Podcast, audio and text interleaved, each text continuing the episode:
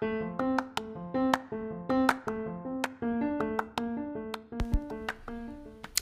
assalamualaikum warahmatullahi wabarakatuh. Jumpa lagi di podcast feeling episode monolog. Wah Ini di jam berapa nih ya? Jam 15.40 Sesuai polling kemarin yang aku sebar di Instagram yang Cuman berfollower 2620 itu uh, hari ini monolognya tentang kemarin di polling ya antara dua tuh kita mau ngebahas band-band generasi inbox atau band-band raja pensi, band-band indie raja pensi perjuangan era-era di upstairs, Good Night Electric, The Brandals dan lain-lain termasuk Changcuters ya yang terbukti adalah alumni raja pensi paling sukses. Tapi sayangnya teman-teman di Instagram lebih banyak memilih band-band inbox. Tapi kenapa enggak? Yuk kita bahas. Uh, kita akan bahas generasi inbox uh, band-band yang jaya melalui acara-acara seperti inbox, The Rings, dahsyat, mantap antv, apalagi acara musiknya banyak lah pokoknya. Uh, kalau yang pengen denger nih uh, tentang sejarah inbox ya. Inbox tuh kalau nggak salah nih kalau nggak salah uh, yang aku tahu host pertamanya itu Andara Arli tuh ada cewek tuh uh, cantik banget mungil badannya dan pernah jadi cover Playboy juga Playboy Indonesia. Uh, itu host yang cantik banget era-era host zaman itu uh, host musik zaman itu kan eranya VJ MTV tuh. Di MTV punya Daniel, Franda, Ben, Kasyafani, Alblen kalau nggak salah ya. Terus VJ siapa lagi tuh? Lupa lah pokoknya. Di Indosiar dan SCTV ada namanya Pesta Indosiar dan di inbox tuh Andar Arli itu yang pertama. Andar Arli cabut, hostnya kemudian ganti jadi siapa aku lupa tuh yang jelas uh, ada sempat yang host inbox tuh ada banyak ada Reza Bukan, ada Ivan Gunawan, ada Uus, ada siapa lagi pokoknya banyak. Dan yang paling menonjol di inbox tuh sebenarnya pas awal masuk tuh tahun-tahun 2007 itu mereka masih musiknya tuh masih ya apa yang pop mereka tayangkan apa yang pop mereka tayangkan. Pada akhirnya kita akhirnya mengidentikan inbox dengan banyak band-band Melayu di situ. Padahal ada banyak juga band-band yang di luar Melayu yang main di situ. Ada Coil pernah main di situ tuh yang otong coil matahin stand keyboard. Cari aja tuh yang dia featuring sama Ahmad Dhani terus matahin stand keyboard. Ada tuh si otong coil emang kurang kerjaan tuh emang. Terus ada lagi Super Glad pernah main di situ kalau nggak salah. Terus yang paling lucu tuh ya kalau nggak salah tuh pas 2014 tuh inbox ada tim lo nya ada segmen tim lo sekitar berapa ya? Berapa lima menit seharinya tuh ada tim lo dua lagu kocak banget tuh. Kenapa inbox ada tim lo nya Nah aku imbau juga nih Kebetulan lagi di rumah aja ya Kita seharian emang di rumah aja. Jangan lupa Meskipun di rumah aja Makanan tetap harus sehat. Jadi kenapa jadi bahas ini? Tapi aku rasa ini penting Karena aku sendiri lagi makan buah nih jadi emang harus penting teman-teman di rumah aja harus tapi juga makanan sehat juga harus ya. Nah uh, kita balik ke inbox. Ketika inbox jaya banget itu inbox tuh mulai tahun 2007 gile.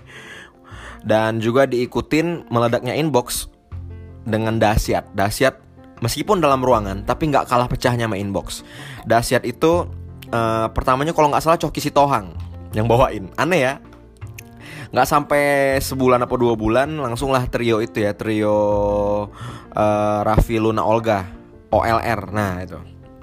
Raffi, Luna, Olga. Nah itu. Itu yang trio yang pecah banget sampai akhirnya tuh uh, inbox agak kegeser nih penikmatnya. Meskipun inbox kelihatannya tuh tiap hari itu meriah dan outdoor, tapi dahsyat meskipun indoor, engagementnya bisa dinilai lebih tinggi karena dahsyat juga menyuguhkan uh, entertainment berupa musik yang pada akhirnya musiknya jadi kayak gimmick doang yang ditonjolkan adalah bercandaan hostnya gitu. Uh, kalau menurut aku sendiri dari dari aku pernah baca skripsi orang ya tentang dahsyat. Karena skripsi aku juga tentang dahsyat dan inbox ya cuman bukan tentang pola komunikasi aku tentang RBT ada seorang yang bikin skripsi tentang inbox aku lupa siapa. Yang jelas di situ dia bilang hostnya in host hostnya dahsyat itu mentreat musisi sebagai selebriti bukan sebagai musisi. Makanya ketika ada musisi diajak ngegosip diajak ngobrol di luar proses kreatif lagunya akhirnya menjadikan musisi itu yang jago main nih, yang jago bisa nimpalin bercandaan Olga, bercandaan Raffi, bercandaan Luna, itu bakal bakal lebih sering dipakai kayaknya ya. Karena uh, dianggap lebih asik gitu loh. Padahal kan harusnya kan musisi ditreat sebagai musisi, lebih lebih fokus ke karya, jangan sampai uh, esensi karyanya jadi hilang karena kebanyakan bercanda gitu loh.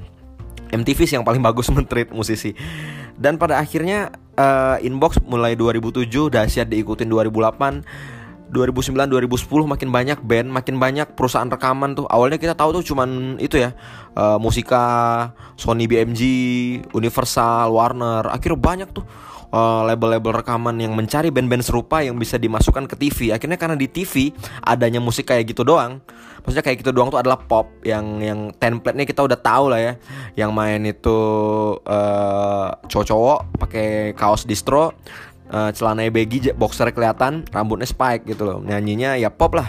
Kalau yang paling pop era itu yang yang lumayan lumayan masih mentingin musik ya uh, yang berani beda sedikit tuh kayak Alexa itu lumayan. The Massive oke okay, The Massive oke okay, karena mereka yang ngebawa tren ya. Jadi mereka nggak terpengaruh siapa pun. Meskipun waktu itu banyak yang menyamakan lagu mereka sama lagu band lain. Tapi The Massive tetap bisa eksis sampai sekarang karena dia yang bawa tren gitu Lanjut berikutnya ketika 2009-2010 makin banyak tuh yang pengen masuk inbox. Ditunjang lagi ada sebuah kompetisi yang diadakan oleh sebuah brand rokok namanya adalah Emile Life Wanted. Nah, Emile Life Wanted itu adalah kompetisi mencari band yang untuk dijadikan kayak ambasador rokok ini deh. Tahu ya tadi ada namanya udah ada nama rokoknya di depan dan ada wantednya. Alumni pertama tuh sangat sukses karena ada Geisha di situ, ada kalau nggak salah Beautiful Monday band dari Binjai dan ada The Massive. Nah, itu yang membuat generasi pertama itu keren banget. Geisha hadir dengan warna tersendiri. The Massive punya warna yang keren banget harus diakui sebelum mereka masif banget sebagai band. Ketika mereka baru-baru wanted, mereka tuh kayak wajah baru pop Indonesia gitu loh. Dan sampai sekarang pun masih gitu karena terbukti Rian kan emang penulis lagu yang oke. Geisha mantap bisa bertahan bertahun-tahun dengan lagu yang pola mereka punya gitu. Dan ada Beautiful Monday yang waktu itu agak-agak kayak Britpop Britpopan gitu tapi tetap punya kelas meskipun musiknya pop gitu. Uh, Emma Lefontit merupakan ajang nasional ya. Sampai waktu itu aku ingat tahun 2000 berapa tuh?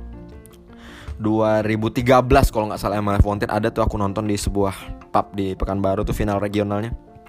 Itu yang ikut banyak banget penuh pokoknya. Kayaknya impian band-band lokal itu semuanya pengen nyamain The Massive dengan cara ngikutin The Massive-nya dari segi bermusikal. Padahal The Massive juara dengan musikalnya sendiri kita kalau pengen juara kayak The Massive nggak usah harus menjadi The Massive. Harusnya begitu ya. Ketika karena gitu banyak banget band yang kayak The Massive kayak Drive kayak yang vokalis cewek pengen kayak Geisha. Padahal yang dicari industri itu sebenarnya bukan yang itu. Mereka ingin mencari The Massive yang baru bukan musik seperti The Massive dengan orang yang baru gitu loh itulah munculnya misunderstood banyak banget waktu itu band-band yang ikut Wanted dengan cara menjiplak pemenang-pemenang Wanted sebelumnya. Padahal pemenang-pemenang Wanted sebelumnya itu oke okay dengan karya sendiri dengan gaya sendiri gitu. Harusnya teman-teman waktu itu ya saya sangat menyayangkan karena itu era-era aku ngeband juga tuh waktu umur aku masih 19 20 era-era itu. Jadi teman-teman banyak yang terlalu pengen kayak demasif ya pengen kayak demasif pengen kayak juaranya tapi jangan menjadi demasif dengan musiknya dan menjadi Geisha dengan musiknya Geisha sudah menjadi mempunyai patron sendiri demasif juga patron sendiri mereka sama-sama band yang hebat gitu dan ketika itu kalau nggak salah inbox dan dahsyat ketika 2012 ke atas itu udah menjadikan musik tuh kayak mulai jadi gimmick doang tuh. Gimmick doang tuh adalah bukan hal yang utama dalam setiap penampilannya. Oke, musiknya ada bintang tamunya misalnya tau nggak nih Marvel, ada band Marvel. Eh kenapa kamu lagi berbohong? Aku sama sepertimu. Ay, itu cengkoknya berlebihan ya, karena nggak lagu asli nggak ada cengkok begitu. Tapi uh, misalnya ada Marvel nih main jadi bintang tamu. Marvela main selagu diajak ngobrol-ngobrol lebih 10 menit. Diajak main games gitu-gitu. Itu kan udah bukan acara musik lagi ya. Di inbox juga bahkan ada acara-acara yang kayak kayak lomba-lomba apa lomba cari jodoh. Di dasyat malah yang paling unik tuh ketika dasyat dianggap uh, melecehkan profesi TNI waktu itu di kalau nggak salah ya ini kayaknya masih rekamannya masih ada di, di YouTube nih. Yang waktu itu di dasyat ada pak tentara lagi lomba makan donat tapi dia bikin kayak makan kerupuk gitu loh. Lomba makan donat donatnya diikat kayak makan kerupuk kita diikat ya jadi kita harus gigit donatnya nggak boleh pakai tangan persoalannya adalah bukan makan itunya di ujung tali donat itu dikaitkan ke kaki artis jadi kaki artisnya boleh naik turunin donat me, uh, kepala Pak TNI-nya ngikutin donat itu. Jadi kayak kesannya kayak kurang ajar ya, tidak menghargai profesi tentara nasional Indonesia. Itu yang membuat pada akhirnya dahsyat di take down. Kalau nggak salah itu tahun berapa ya? 2018 kalau nggak salah kalau nggak salah nih teman-teman masih bisa lihat tuh coba aja cari ya. Dahsyat TNI coba aja cari di YouTube. Kalau kalau nggak salah masih ada. Dua malam yang lalu aku lihat masih ada. Tapi persoalannya adalah ketika teman-teman nonton acara musik uh, menikmati acara musik pasti ada band-band yang teman-teman gampang lupa. Ada yang juga yang masih ingat sampai sekarang Nah, di antara band-band itu ada yang masih kita bisa dengar karyanya sampai sekarang, ada yang bandnya hilang. Contoh-contoh band yang nggak bisa kita dengar lagi tuh, uh, misalnya ya, misalnya apa tuh? Angkasa. Lagunya tuh kalau nggak salah judulnya Jangan Pernah Selingkuh. Dia itu lagunya lagu pop, cuman vokalisnya nyanyinya kayak Kurt Cobain.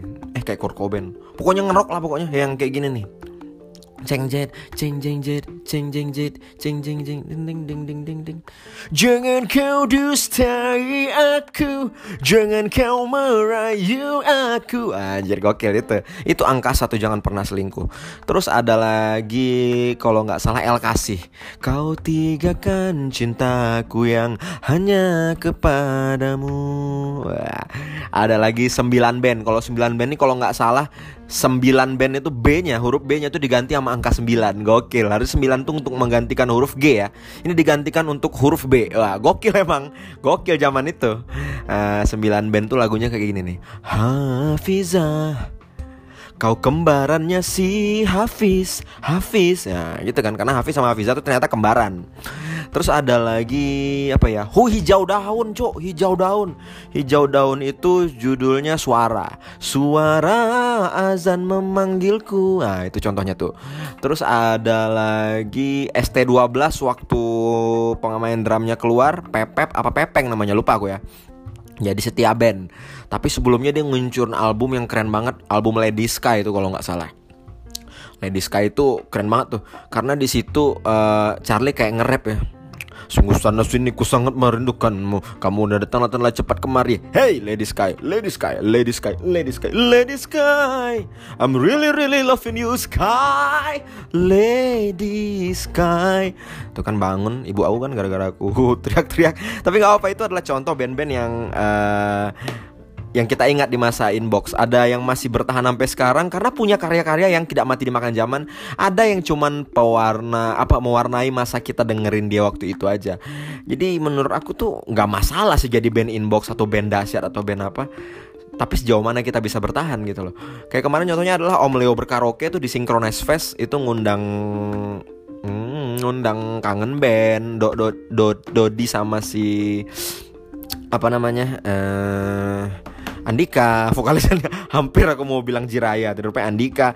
Terus ada Raja mereka undang juga. Terus ada Smash mereka undang juga. Nah yang menariknya uh, eh, 2013 awal ada tuh sempat jadi ledek-ledekan di Kaskus Smash ini adalah Seven Man as Seven Heroes kalau nggak salah tuh singkatannya.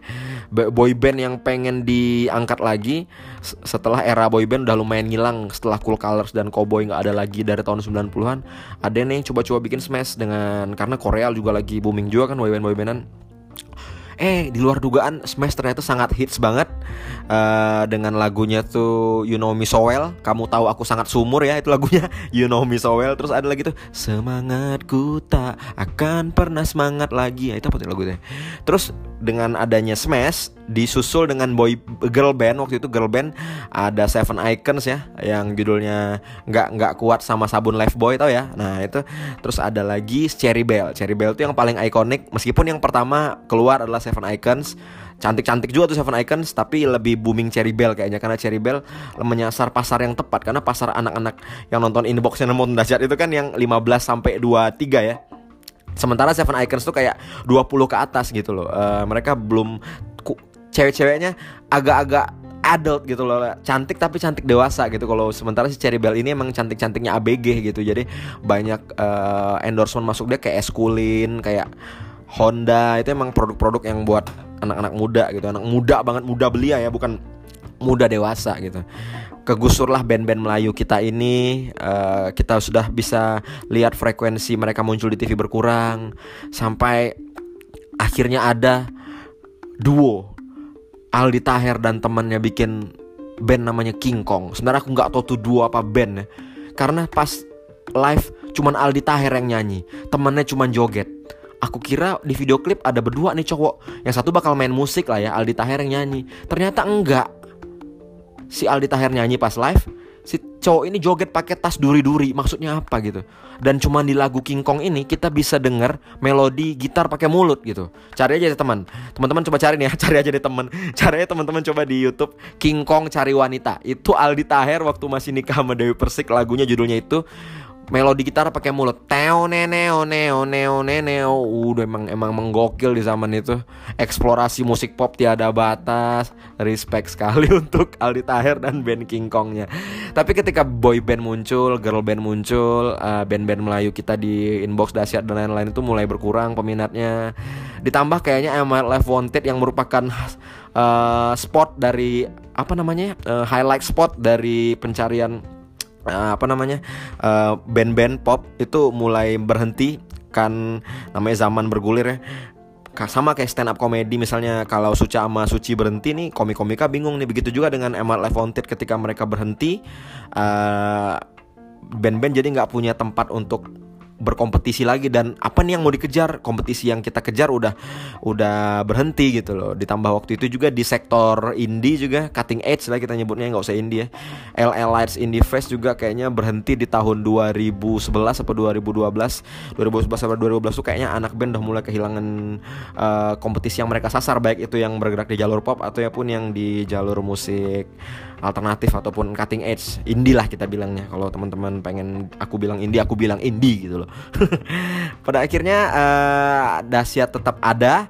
Inbox kayaknya cabut tuh. Dan mulai lebih banyak berkomedi di inbox ya. Udah masuk uh, Kak Igun sih Kak Igun. Uh, udah masuk Uus udah masuk Gading uh, itu udah mulai bercanda bercanda banget inbox. Musiknya cuman satu jam tuh kayak cuman ada empat lagu artisnya. Selebihnya uh, ya bercanda bercandaan aja. Begitupun dengan Dasyat lebih banyak games dan mengupas kehidupan pribadi Raffi ya. Waktu itu Raffi masih sama Yuni Sara pergi ke Jepang. Terus akhirnya ketemu Gigi akhirnya nikah sama Gigi. Dan, dan kayaknya lebih menarik ngulas Raffi ya ketimbang ngulas band. Akhirnya Dasyat pun lebih banyak ngulas kehidupan Raffi sampai uh, Dede Cungkring pun pernah jadi host dahsyat sampai Mumu Gomez juga pernah jadi host dahsyat buat yang nggak tahu Mumu Gomez cari aja ya di itu ya di Google siapa ya Mumu Gomez dia uh, Dede Cungkring mudah-mudahan tahu lah ya yang main Super Dede. Tapi di luar itu semua adalah uh, dahsyat dan inbox adalah sejarah yang penting di peta permusikan Indonesia. Karena banyak jasanya untuk uh, musik Indonesia. Meskipun sebagian orang memandang itu adalah cikal bakal dari musik-musik alay sebenarnya bukan musiknya yang alay penontonnya yang alay. Musik mah nggak ada yang alay. Musik mah semuanya normal-normal aja. Karena setiap era punya poster setiap era punya musik sampah. Oke ketika itu banyak musik-musik Melayu gitu. Tapi kan masih banyak juga di era itu yang masih bertahan sampai sekarang. Kayak Setia Band kayak The Massive. Bagindas bahkan masih ada. Bagindas tuh masih ya Ay apa kabarmu? Anjir sedap banget tuh kalau kita melihat band-band Melayu masih bisa bertahan sampai sekarang berarti band itu bukan poser band itu bukan sampah. Band itu adalah band yang sebenarnya bisa bertahan karena setiap era tuh juga punya sampah kok. Sekarang nih misalnya yang dari booming nih indie-indie nih folk folk nih. Ada juga kok band-band jeleknya. Tenang aja. Di band pak di skena punk juga ada sampah-sampahannya. Di metal juga ada band-band jeleknya. Jadi jangan pernah menyalahkan satu genre. Apalagi jangan pernah bilang musik ini musik alay ini musik nggak alay. Nggak ada. Karena yang bikin alay itu penikmatnya. Oke nih kita lihat ada band Melayu nih.